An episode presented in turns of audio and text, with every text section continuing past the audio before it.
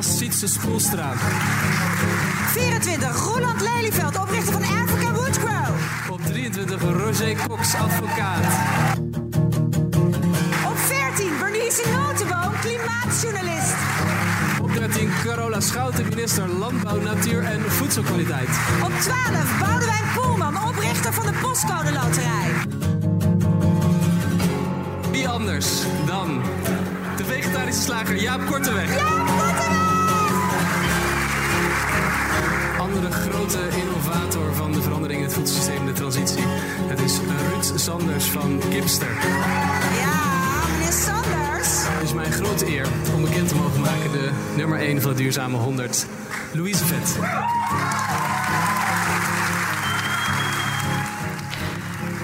Duurzame 100 is een lijst van groene denkers en doeners. Het is een initiatief van Trouw en samengesteld door een onafhankelijke jury. Van succesvolle ondernemers tot politici, van topmensen in het bedrijfsleven tot invloedrijke onderzoekers. Het is alweer tijd voor de 11e editie, maar die is anders dan andere jaren. Dit jaar bestaat de lijst uit initiatieven van onderop. Denk aan zwerfafvalrapers, buurten die geheel zelfstandig van het gas afgaan of een eetclub tegen voedselverspilling.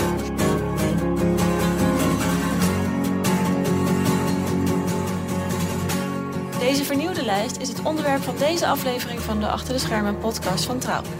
Mijn naam is Charlotte Verlauw, redacteur bij deze krant, en ik praat met Esther Bijlo en Frank Straver. Esther schrijft in het dagelijks leven over de economische kant van duurzaamheid, Frank over energie en klimaat. Maar deze dagen zijn ze vooral druk met het organiseren van de Duurzame 100. Hoe vaak heb jij het al gedaan, Esther? De Duurzame 100? Vijf keer. Dit is Vijf de vijfde keer.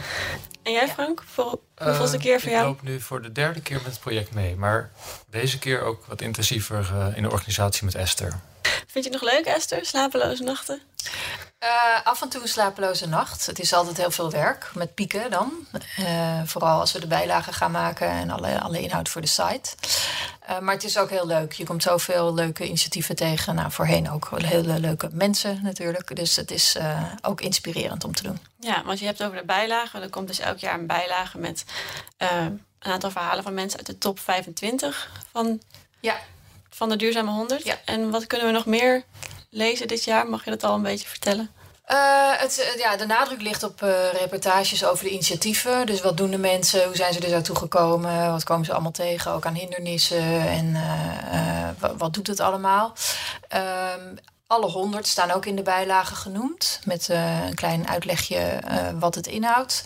En eh, nog wat luchtiger verhalen eromheen. De groene gadgets, groene trends, dat soort verhalen. En net als andere jaren gaan we ook ehm, de onderste 75 weer in drie etappes bekendmaken. Al voor 10 oktober.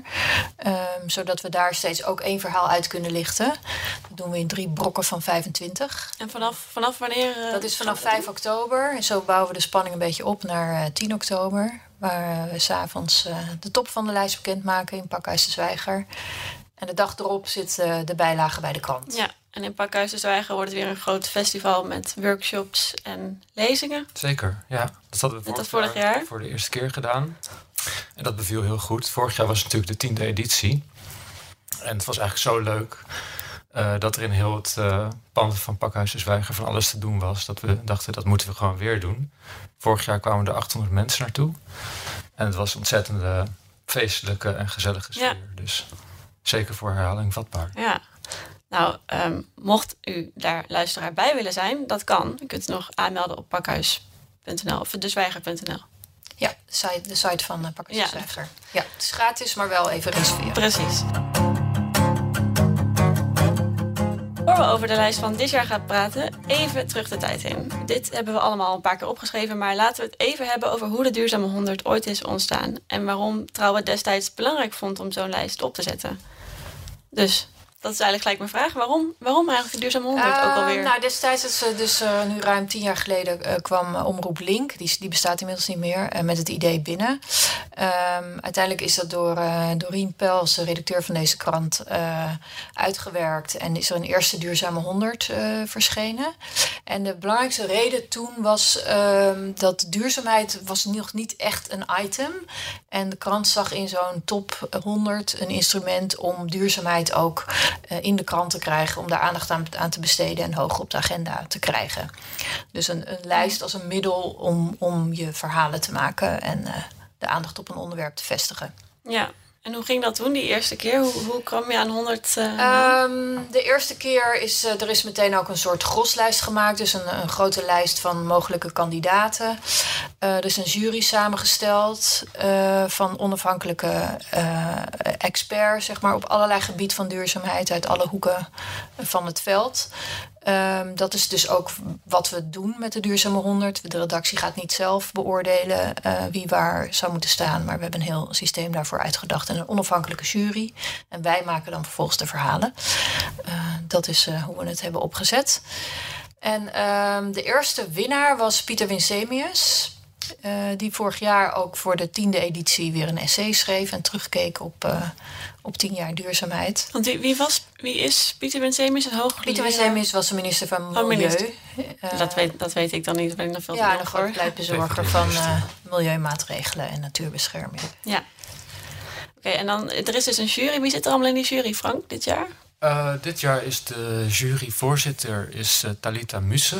En zij is um, in de groene wereld bekend van de energieboot en is heel actief met jongeren. Dat is natuurlijk heel leuk um, om dat ook wat prominenter naar voren te brengen. Um, verder hebben we ook als nieuw jurylid uh, Marijn Tinga. Die is bekend als de plastic soep server. Die um, raapt plastic vuil op en uh, laat daarbij ook zien dat eigenlijk het heel erg uh, hoog nodig wordt dat er uh, statiegeld wordt ingevoerd. Mm -hmm. um, en we hebben ook al wat juryleden die eigenlijk al veel langer in de lijst zitten. Willem Verweda is daar een voorbeeld van. Um, de vorige winnaar, uh, Louise Vet, die is nu uh, ook in de jury toegetreden. Dat gebeurt altijd bij de winnaar. Die uh, ja. kan niet nog een keer winnen, dus die komt dan in de jury terecht. We hebben Jessie Kroon, oprichter van een afvalvrij bureau, mm -hmm. zeg maar. Hoe leef je afvalvrij? Um, Babette Porcelein, die is uh, heel goed in het, in het berekenen van impact van alle, alles wat je doet uh, ja. op het klimaat en op je ecologische voetafdruk. Nou ja, zo zit er van alles en nog wat in de jury, ja. uh, die elkaar goed aanvullen en gezamenlijk in discussie hun overwegingen delen en tot een oordeel komen. Ja, ja dat doen we dus al, al meer dan tien jaar. En zoals je zei, om, om duurzaamheid op de agenda te zetten. Inmiddels staat het wel op de agenda. Ja, zeker. Ah, redelijk. Ja. Absoluut. nou ja, dat, dat, deed ons ook nadenken over wat, uh, zeker met de tiende editie, van hoe gaan we verder met deze lijst en dit project. Mm -hmm. um, uh, wordt het tijd om eens iets te veranderen? Uh, je bent tien jaar verder inderdaad, de actualiteit is anders. En um, zo kwamen we eigenlijk al brainstormend op het idee, um, moeten we niet een andere, een andere groep aanboren, een andere, een ander, ja, reservoir aan duurzame initiatieven, namelijk die van onderop. En die zijn veel minder zichtbaar dan de mensen die natuurlijk aan de knoppen zitten en ergens directeur zijn of hoogleraar of minister of wat dan ook.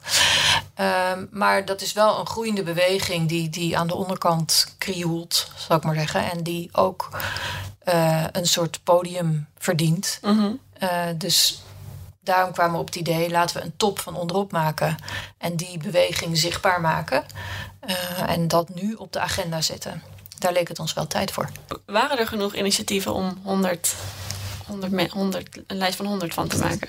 was inderdaad even spannend. Van ja. oké, okay, wij hebben dit nu bedacht om het zo te gaan doen van onderop. Uh, we stellen de poorten open, mailt u maar aan. Dus het was echt afwachten van hoeveel komen er dan binnen via de mail.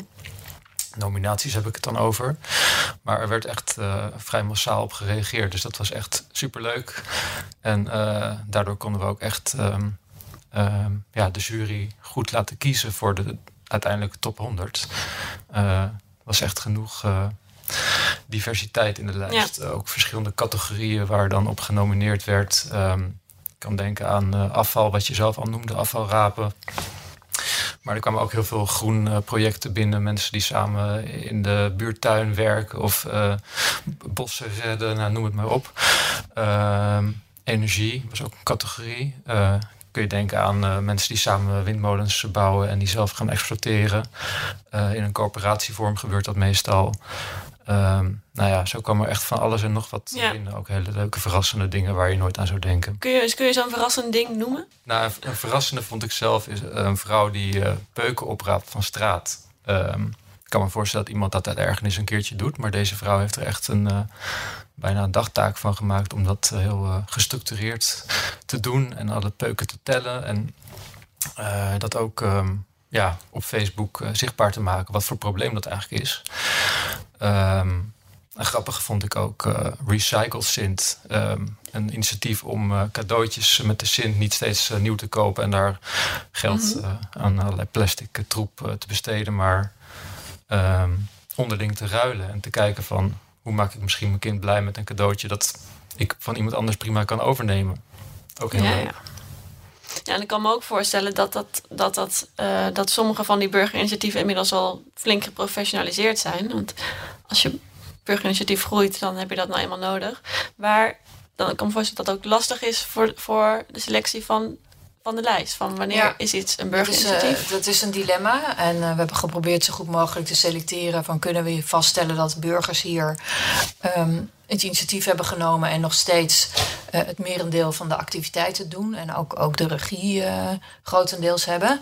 Ehm, dat is, ja, het is niet altijd even goed vast te stellen, maar dat hebben we wel geprobeerd.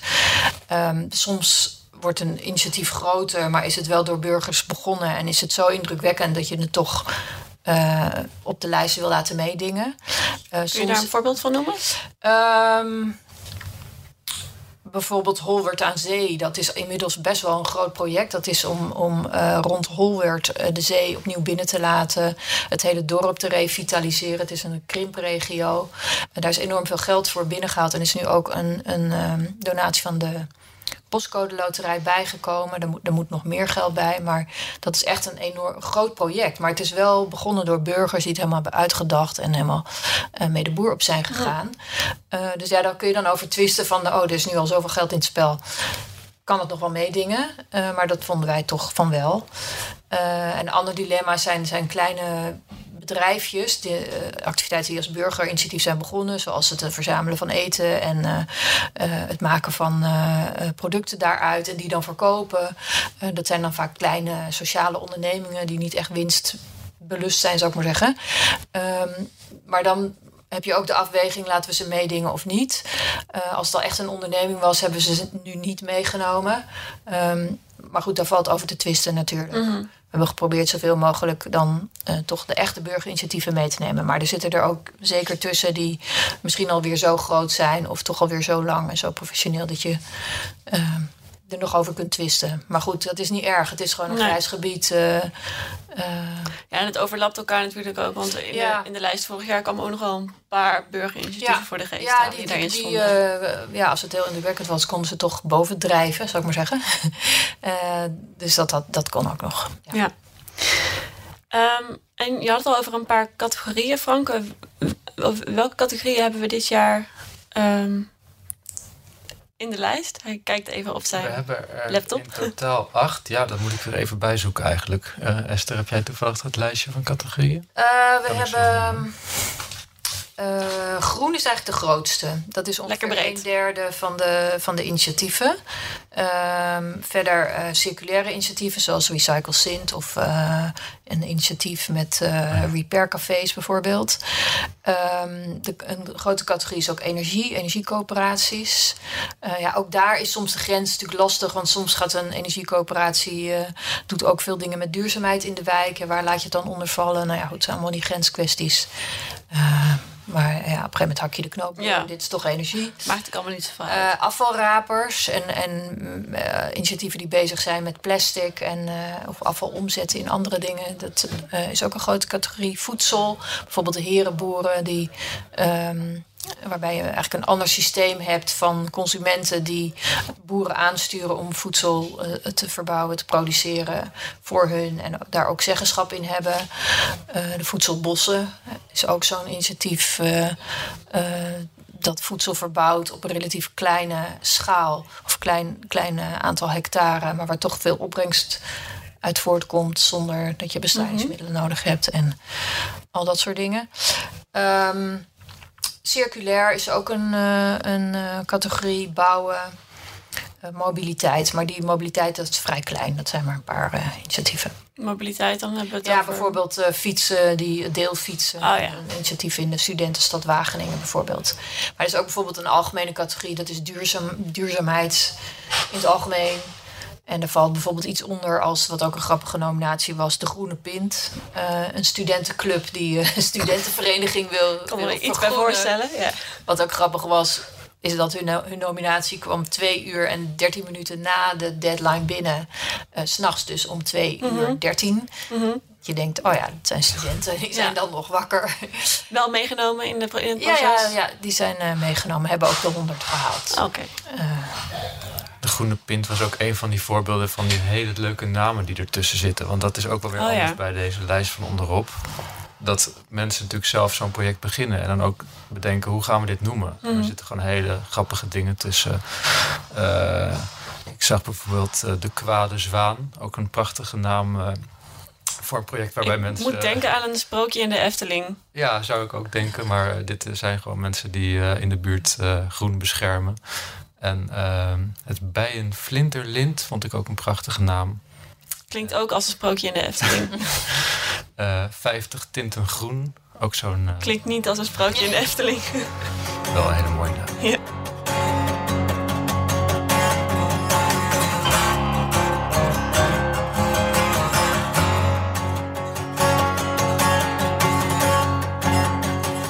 We hebben dus nu die beweging van onderop in, in kaart, een beetje in kaart gebracht. Ehm, kunnen jullie iets zeggen over hoe, hoe groot die beweging eigenlijk is? Is dat te meten? Nou, zijn totaliteit niet. Daar bestaan ook niet in zijn totaliteit cijfers van. Ehm, van al die initiatieven. Dus, dus er is geen instantie of onderzoeker die dat in zijn totaliteit bijhoudt. Ehm, als je wel deel, als je experts op deelgebieden spreekt, dan hoor je wel van het neemt toe en eh, eh, het groeit. Eh, niet in de laatste plaats trouwens ook omdat gemeenten ook taken hebben afgestoten, zoals met groenonderhoud bijvoorbeeld, waar burgers in zijn gesprongen. Ehm, energiecoöperaties spreken natuurlijk heel erg tot de verbeelding als je lokaal energie kunt inkopen eh, van windmolens of zonneparken of iets dergelijks. Eh, dus het groeit in ieder geval, maar de omvang precies is niet eh, zo vast te stellen. Ja, want daar, daar zeg je wel wat. Ehm, ehm, dat, dat burgers in het, in het gat springen wat gemeenten achterlaten. Eh, dat is goed voor de natuur of voor het klimaat of wat dan ook. Maar dat is niet helemaal hoe je wil dat het gaat, toch? Nee, niet per se. Nee. Je ziet ook wel verschillende soorten motivaties bij mensen. Eh, soms zijn ze echt boos dat er niks gebeurt en denken ze, nou, nu gaan wij het zelf doen. Ehm, soms wordt het inderdaad op die manier door de gemeente over de schutting gegooid. Komt er wel iets moois uit voort, maar is eigenlijk eh, misschien toch de taak van de overheid om dat te doen. Eh, de overheid zit er ook in verschillende, op verschillende manieren in. Soms heeft een, eh, een burgerinitiatief echt last van een overheid of van de regels, dat ze niet verder kunnen groeien of wat dan ook. Eh, en soms ehm, denkt de overheid, nou gaan jullie maar lekker doen, dan hoeven wij het niet te doen. Ja, Ehm, dus dat, dat is ook op allerlei manieren kom je dat tegen. ja, en daar kan best wel wat frustratie over ontstaan bij, bij de mensen in de lijst, vermoed ik. Zeker, ja, dat zag ik ook eh, bij het ehm, project dat onze lijst heeft gehaald. De dorpsmolen in Reduzum. Sorry, nog een keer de? De dorpsmolen Reduzum. Oké. Het gaat dus om een, eh, een eh, kleine windmolen in een dorp waar de bewoners eigenlijk zelf voor vechten. dat die er komt. Daar willen ze voor strijden. En ehm, eigenlijk hadden ze daar de overheid juist tegenover zich. Die wilde de vergunning niet geven voor een nieuwe dorpsmolen. En ehm, ja, die burgers zijn gewoon doorgegaan eh, eh, om daarvoor te pleiten, maar ook naar de rechter gestapt. En uiteindelijk ook met succes, want kort geleden werd bekend dat die molen er nu toch mag komen. Dus dan zie je ook dat het echt zinvol is. Ja. Ja, zeg maar, de, oorspronkelijk was de lijst eh, bedoeld om duurzaamheid op de agenda te zetten. Ik kan me voorstellen dat de huidige lijst misschien de hoge pieven, om het maar even zo te zeggen, ook een beetje met de neus op de feiten drukt. Dat van, hallo, ehm, jullie doen misschien iets eh, te weinig, vinden mensen, of eh, het duurt allemaal lang. Deze mensen die doen het gewoon. Ja, het, het is wel van allebei nodig, zal ik maar zeggen. Dat is ook ehm, hoe de jury er tegenaan kijkt. Want die moest natuurlijk ook mee met deze nieuwe opzet. Ja, sommige van, van de oude lijst in de Duurzame 100 vonden het jammer dat ze er Mhm. niet meer in kwamen te staan. Maar eigenlijk hebben we opvallend weinig van dat soort reacties gehad. En de reacties die we van hun kregen waren ook wel van... nou, dit is, het is goed om dit nu te doen en om hier de aandacht op te vestigen. En eh, eh, sommigen hadden ook al een aantal keren in de lijst gestaan. Dus we vonden het ook wel goed om eh, hun plek af te staan Ja. aan andersoortige duurzame eh, mensen en initiatieven. Dus eigenlijk kregen, kregen we daar vrij veel positieve reacties op. Ja. Ehm, wat je natuurlijk wel hebt, is dat er, het, het zijn geen bekende eh, namen. Je kunt het niet meer hebben over eh, staat minister Wiebes er wel of niet in. Precies. Ehm, of is hij gezakt of gestegen? Eh, en hoe is het met Paul Polman van Unilever? Nou, die is inmiddels daar weg, maar hoe hoog staat hij en hoe terecht vinden we dat allemaal? ja. Eh, dat soort discussie eh, heb je nu niet. Het haalt de prikkel er wel een beetje uit, misschien. Die prikkel haal je Ja. eruit. Ja. Eh, want inderdaad, Ja. vorig jaar stond, stond Jesse Klaver stond erin, geloof Ja. ik toch nog? Ja. Carole Schouten, minister van Landbouw, stond erin. Boyan Slat, allemaal, allemaal mensen ehm, waar je toch kunt afvragen van... ja, waar, waar discussie over is. Is het wel terecht dat ze in die lijst staan? Ja, ja. Nou, over, overigens kun je dat nu ook krijgen. Alleen nu zijn het dan initiatieven waarvan je kunt afvragen... ja, waarom staan die in de lijst? Is dat terecht? Zijn ze niet echt veel te klein? Ja. Eh, maar het zijn minder dan namen die iedereen kent. Dus waar iedereen eh, misschien een mening over kan Ja. hebben. En is het zo dat, ehm, want ik, eh, we hebben in aanloop naar de nominaties natuurlijk ook wel geschreven over de lancering van deze nieuwe Duurzame 100. En toen zeiden twee hoogleraren slash onderzoekers dat die beweging van onderop de beweging van bovenaf toch zeker niet kan vervangen. Dat het wel twee totaal eh, van ja, aparte stromen zijn eigenlijk. Precies, ja, dat denk ik ook. Dus in die zin, in antwoord op jouw vraag, eh, van drukt dit de hoge pieven niet met de neus op de feiten? Ja. Maar het laat vooral ook gewoon zien dat er veel meer gebeurt dan alleen in de eh, bedrijfstop en in de politiek. En dat wat burgers zelf doen en organiseren ook gewoon waardevol is en eh, ook iets in gang zet. Het kan ook druk, eh, bijvoorbeeld ook druk uitoefenen op de politiek om ook meer te gaan doen. Eh, een klein initiatief rond afvalrapen kan ook extra laten zien dat dat probleem er is. En dat bijvoorbeeld statiegeld een oplossing kan zijn. Zo kan het ook de politiek verder die kant op sturen. Dus dat heeft ook weer een functie. Ja. En juist door ze nu zo in de spotlight te zetten, verhoog je die druk misschien wel. Tenminste, dat hoeven wij dat niet is te doen, wat maar dat is deze wel... initiatieven natuurlijk hopen. Ja, Ja, ja. Nou, wat je ook ziet eh, in de reacties die we terugkrijgen, natuurlijk alle initiatieven hebben bijvoorbeeld een, eh, een nominatieformulier ingevuld. eh, of in ieder geval 80% heeft dat ook daadwerkelijk gedaan. eh, om informatie te geven over hun initiatief en wat het losmaakt en wat het effect is. En daarin zie je wel een soort trend naar voren komen dat mensen ook wel eh, juist blij zijn dat ze zelf iets zijn begonnen, hoe moeilijk het soms ook is.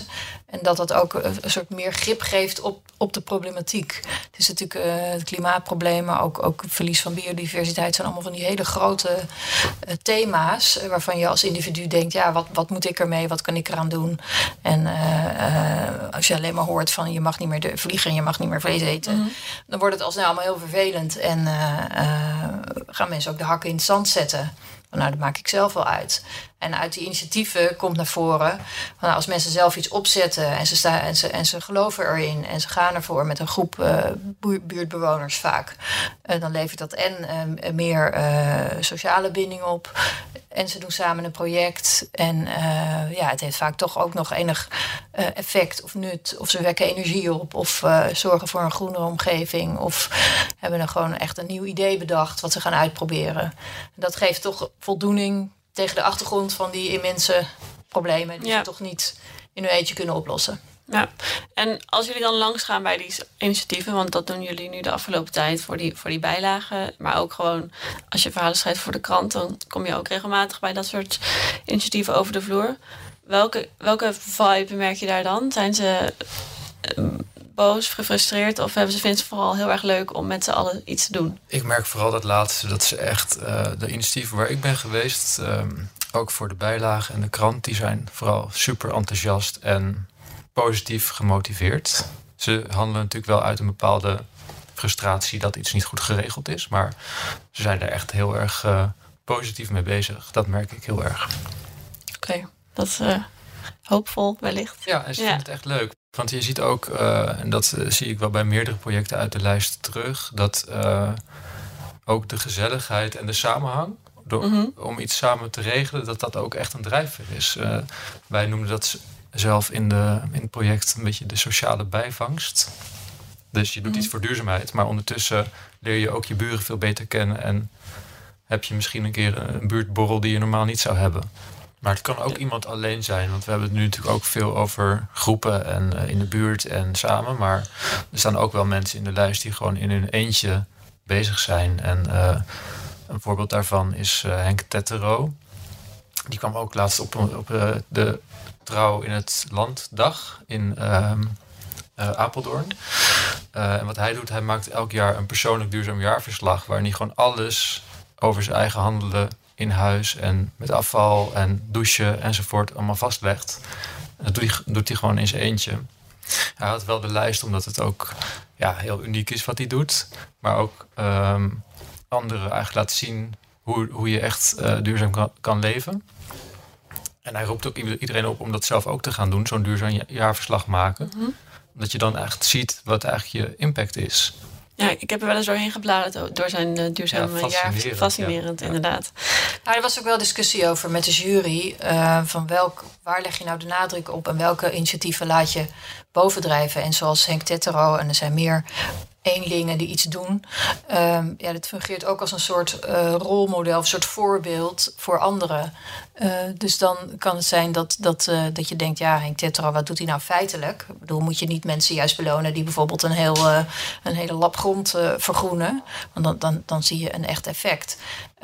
Maar ehm, eh, de jury kwam er toch ook op dat het, het, is ook een mix. Maar je hebt ook die voorbeelden nodig, die mensen die in hun eentje zoiets doen. Eh, en je hebt die grotere groene initiatieven nodig. En eh, zo heb je allerlei verschillende rollen en verschillende eh, functies. Eh, we hebben ook bijvoorbeeld discussie gevoerd over actievoeren. Wat doe je met actievoerders, zoals de klimaatspijbelaars? Ehm, ja, die, die zetten een, een onderwerp op de agenda. Eh, maar ze doen feitelijk, steken ze geen schep in de grond, zou ik maar zeggen. Of wekken Nee. ze geen eh, kilowattuur energie op. Eh, maar toch heeft dat ook een functie als burgerinitiatief. Eh, dus op die manier heeft de jury daar ook uitgebreid over eh, gedebatteerd. Ja, en de, zoiets als de klimaatspijbelaars, dat is dan ook echt gelijk een landelijk ding aan het worden. We hebben natuurlijk veel over buurten, en, Ja. eh, maar niet iedereen woont in, in een supergezellig Nee, ehm, Nee. ons kent ons buurtje. Eh, maar er staan wel ook landelijke dingen in de lijst. Ja, ook dingen als websites die mensen de weg wijzen in, in het groene leven bijvoorbeeld. Eh, of eh, initiatieven zoals Steenbreek met, met stenen daaruit, groen erin. Die heel klein beginnen, maar die inmiddels overal in het land worden toegepast. En niet gebonden zijn aan een bepaalde buurt. Dat soort eh, initiatieven staan er zeker ook op. En de klimaatspijbelaars zijn natuurlijk ook ergens begonnen. Hè? Ik bedoel, dat is eh, inmiddels een landelijke beweging. Maar er zijn ook in Nederland natuurlijk wel scholieren ergens geweest. In dit geval in Den Haag.